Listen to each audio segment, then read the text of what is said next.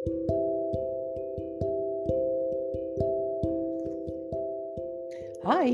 welkom bij de Kwispel Academie podcast voor een nieuwe aflevering. Mijn naam is nog steeds Karen. Um, vandaag wil ik het graag met jullie hebben over benchtraining. Want op benchtraining hangt stiekem toch best een taboe. En dat taboe is eigenlijk heel erg jammer. Want wanneer ik aan mensen vraag, als je een babytje hebt, leg je die dan midden in de woonkamer op de vloer met de mededeling dat hij de wereld maar lekker moet gaan ontdekken, dan zullen de meeste ouders het met me eens zijn dat ze zeggen: Nou, nee, dat is niet heel erg veilig. Want die trekt zich misschien wel op aan een bank of aan een tafel waar iets op staat wat hij op zijn kopie kan krijgen. Dus je wilt je babytje veilig houden. Daarvoor hebben we een box bedacht. Een box is eigenlijk niets meer en niets minder dan wat we met een bench ook doen. Je bent bezig met je hond, je traint met je hond, je laat hem uit, je laat hem eten, je oefent met zijn naam, je oefent met lopen aan de lijn. Maar op een zeker moment is de energie van je pupje op.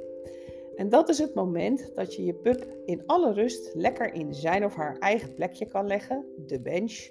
Zorg dat daar een lekker kleedje ligt en dat er een grote knuffelbeer staat waar ze zich tegenop kunnen krullen. Om lekker samen met dat beertje of dat knuffeltje heerlijk te gaan slapen en te verwerken wat je zojuist met ze gewerkt en getraind hebt. Het lastige is voor heel veel mensen dat je dan je hond ook echt met rust moet laten. En met rust laten, daar zijn wij niet zo goed in. Want ieder uur of anderhalf uur denken we, nou maar nu moet de hond even naar buiten, nu moet hij plassen. Of nee, nu moet de hond dit, of nu moet de hond dat. Als je daar goed over na gaat denken en je zou ditzelfde doen bij je partner of bij je kinderen, moet je nu even plassen. Heb je al gepoept vandaag? Hoeveel boterhammen heb je al op? Heb je er al voor gezorgd dat je je huiswerk af hebt? En heb je je spullen allemaal al in de was gedaan? Dan weet je net zo goed als ik dat de meeste mensen daar knettergek van worden. Want je wilt zelf kunnen besluiten en zelf kunnen beslissen. Zo'n pup is alleen nog lang niet in staat om zijn eigen keuzes te maken. En dan is een bench iets heel erg helpend. Want zo'n bench staat, in ons geval, in de woonkamer. En in de woonkamer kunnen de pups en alles, uh, de jonge honden ook alles zien wat er om hen heen gebeurt, zonder dat ze er iets mee hoeven. Of misschien wel beter gezegd, iets mee kunnen. Ze kunnen het observeren, maar ze kunnen niet in het gedrag van de andere honden bijvoorbeeld mee. Of in het stuitergedrag van wat je kinderen op dat moment mee naar huis nemen vanaf school. Voor je hond is dat een veilige regel.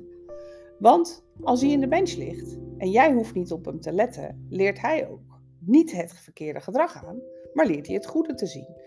Want wat hij leert is dat jij het oplost en hij of zij dus helemaal niets hoeft met deze situatie. Een bench is daarnaast gewoon een hele veilige plek voor een hond om te, om te groeien buiten al het eten wat hij mag doen en het spelen en het knuffelen natuurlijk. En het fijne van zo'n plek is ook dat jij zeker weet dat als je hond in de bench ligt, hij of zij geen stoute dingen kan doen, behalve dan een keer een kleedje of een knuffeltje slopen. Maar hij kan niet aan stroomdraadjes hangen. Hij kan niet ongewenst gedrag laten zien wat jij weer terug moet trainen. Want op het moment dat een hond zelfbelonend gedrag heeft, en het slopen van een bankstel bijvoorbeeld is zelfbelonend gedrag, dan is het heel ingewikkeld om dat weer terug te trainen. Je komt dan namelijk in correcties. En iets aanleren is heel erg leuk, maar iets afleren, daar zit veel meer negatieve energie en lading op.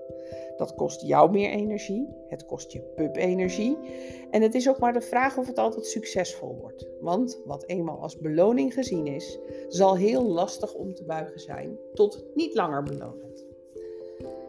Een bench is daarnaast ook een heel erg fijn middel om je bezoek zo ver te trainen dat ze niet meteen bovenop je pup duiken als ze komen kijken.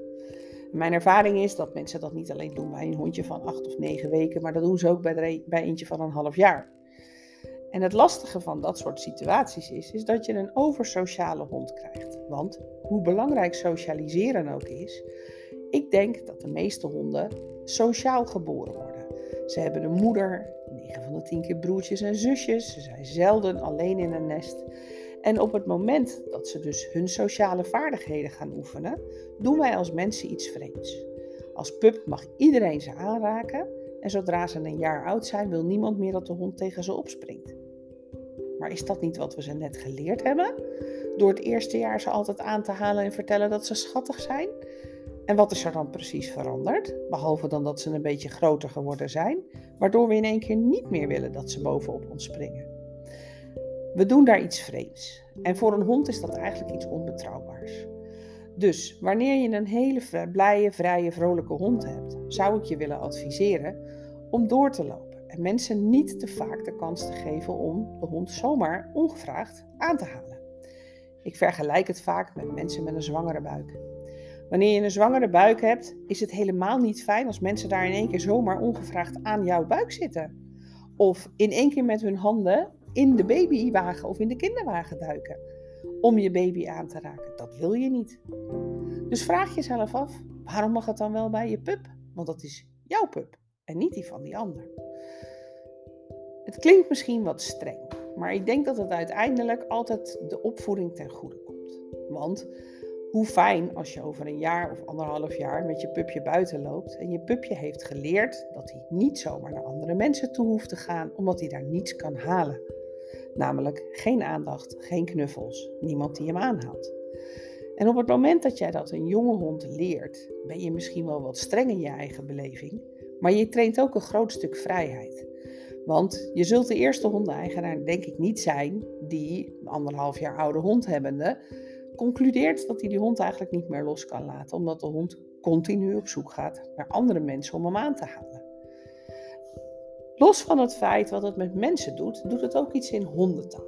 Want hebben jullie er wel eens over nagedacht dat als je een hond leert over sociaal gedrag te laten zien, dat voor heel veel andere hondenrassen helemaal geen prettig gedrag is?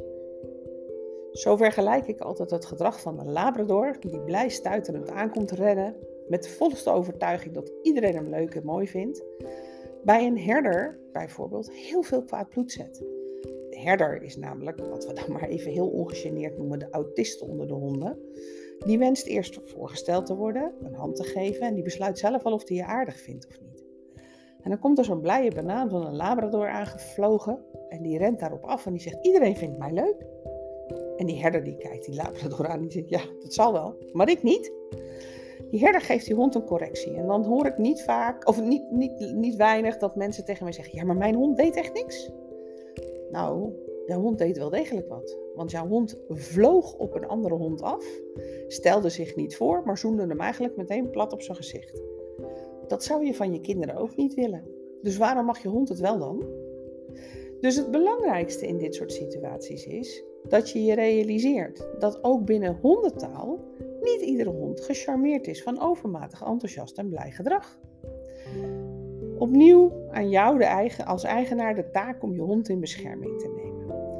Want het is oké dat die Duitse herder zegt: Ik heb helemaal geen behoefte aan contact met jou.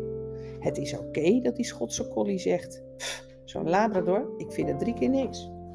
Maar het is ook oké dat als twee Labradors elkaar tegenkomen, die meteen elkaars dialect als het ware begrijpen. En samen rennend en raggend over het veld heen rennen, alsof niemand hen begrijpt.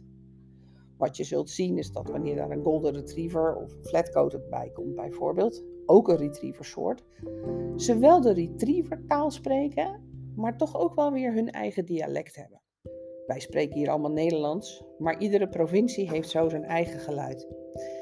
Zo moet je dat eigenlijk binnen hondentaal ook zien. En tussen de rassen, dat zijn gewoon wezenlijk andere talen. Een, een herder spreekt Chinees vergeleken bij een Labrador, uitgaande dat die Engels spreekt. En het lastige voor mensen is dat wij altijd denken als wij honden met elkaar in contact brengen, dat ze spelen en willen spelen. Maar ook daar geldt de wens een balans te vinden. Een balans tussen wie heeft hier welke rechten in deze roedel, wie zorgt er voor de roedel, welke taak heb ik, wat is mijn bestaansrecht binnen deze roedel. Dat zijn vraagstukken die helemaal niets met spelen te maken hebben. Dus de gedachte dat je op een veld komt en zegt: Oh, dat is leuk, dan kunnen ze even samen spelen, gaat in heel veel gevallen helemaal niet op. Er wordt namelijk eerst bepaald wie ben je, hoe ruik je, vertrouwen we je en kunnen we denken we wat met je. Dat zijn geen speelvragen, dat zijn veiligheidsvraagstukken. En het is dan lastig aan anderen uit te leggen of aan andere hondeneigenaren uit te leggen dat als ik met mijn labradors ergens aankom, mijn labradors helemaal niet gecharmeerd zijn van andere honden. Die wonen bij mij in een roedel met twaalf broers en zussen, ooms, tantes, neefjes, nichtjes. En die zijn heel erg gericht op oké, tot hoe ver kan ik gaan? Waar ligt mijn grens? Dus die vinden heel veel andere honden op straat, en met name andere Labradors, heel erg ongeremd. En in die ongeremdheid hebben zij geen enkele behoefte om met die honden te spelen. En dan zeggen mensen tegen mij: Je honden zijn zaggerijnig. Nee hoor, mijn honden zijn niet zaggerijnig. Maar mijn honden hebben een heel ander sociaal pad doorlopen dan de eenlingen. Eigenlijk is het vergelijkbaar met kinderen die in hun eentje opgroeien in een gezin, of kinderen die met vier, vijf broertjes en zusjes opgroeien. Die laatste zullen gewend zijn te delen. Al was het maar omdat de kleren van je grotere broer of zus voor jou nog een keer versteld kunnen worden en dat je er nog een keer een seizoen mee kan doen. Al zou je er maar mee buiten spelen. Dat werkt in een roedel ook zo. Dus de eenlingen die wij op dit moment in onze gezinnen over het algemeen hebben, hebben gewoon een heel andere perceptie van de werkelijkheid dan honden die met meer in een roedel in een gezin wonen. Nou is het niet zomaar dat je een roedel hebt hoor. Ehm, ik denk dat er heel weinig mensen zijn die echt een roedel hebben, omdat bij een roedel in mijn beleving ook bloedbanden te naar boven komen en, en zorgtaken verdeeld worden. Maar het kan zomaar zijn dat je drie honden hebt die zo goed op elkaar ingespeeld zijn dat die met elkaar echt een roedeltje vormen. Binnen een roedel is rust een heel belangrijk item. Want als we samen kunnen slapen, kunnen we ook samen voor elkaar zorgen. Rust is om die reden binnen een roedel een cruciaal recht. En dat is iets waarvan ik denk dat we als mensen daar nog iets van kunnen leren. Wij zijn de hele dag bezig om het onze hond naar de zin te maken, maar verwachten vervolgens wel dat hij ons gehoorzaamt. Maar wij waren toch bezig om het die hond naar de zin te maken. Waarom zou die hond ons dan volgen? Wij volgen de hond toch? En dit gaat niet over dominantie. Daar kom ik in een volgende podcast nog wel een keertje op terug. Want dominantie, zoals wij daarnaar kijken als mensen, is iets totaal anders dan hoe het werkt in hondentaal. Maar het gaat wel over een vorm van hiërarchie. Als jij hele dagen bezig bent om het mij naar de zin te maken, ben ik blijkbaar heel belangrijk. En met dat besef leven heel veel honden in dit land. En dan zijn bazen gefrustreerd dat de hond niet naar ze luistert. Ik denk niet dat het zo raar is. Ik denk dat het de uitdaging is om als baas daadwerkelijk een eigenaar, om je daadwerkelijk zo op te stellen dat je leiding geeft aan je hond, zonder dat je jezelf uit het oog verliest en zonder dat je de illusie hebt dat je de hond taal gaat begrijpen. Want ik werk inmiddels bijna 30 jaar met honden en ik zie iedere dag nog dingen waarvan ik denk: wat gebeurt hier nou toch? Hoe interessant is dit weer? En het is mooi om te zien en het is leuk om met jullie te delen. Maar rust, onthoud die heel goed. Rust is een groot recht in het welzijn en welbevinden van jullie hond. En ik denk dat als ik kijk naar de meeste pups op dit moment, zowel binnen de hondenschool als binnen de fokkerij, als bij vrienden en kennissen, dat de meeste pups in het eerste jaar standaard te weinig rust krijgen, waardoor ze te veel prikkels en overprikkeling met zich meedragen, wat hun leerwerk en leercurve enorm in de weg zit. Want als je een vermoeid hoofd hebt, kun je gewoon niet zo lekker leren. Dat werkt gewoon niet goed. Denk eens na over wat voor jullie een goede optie zou kunnen zijn. En hè, het is geen wet van mede en persen om dat met een bench te doen. De ene hond reageert er goed op, de andere reageert er minder op. Maar je zult op enige wijze rust voor je hond moeten kunnen creëren. Dus ik ben heel benieuwd hoe jullie dat regelen. Dus uh, leuk als jullie daar een reactie op geven. Dat mag via Facebook, dat mag via Insta, dat mag hieronder in de manier waarop je deze podcast luistert. Ik ben gewoon heel erg benieuwd. Ik wens jullie een hele rustige, fijne, ontspannen en uh, vooral gezellige week met jullie pup weer toe. Tot gauw!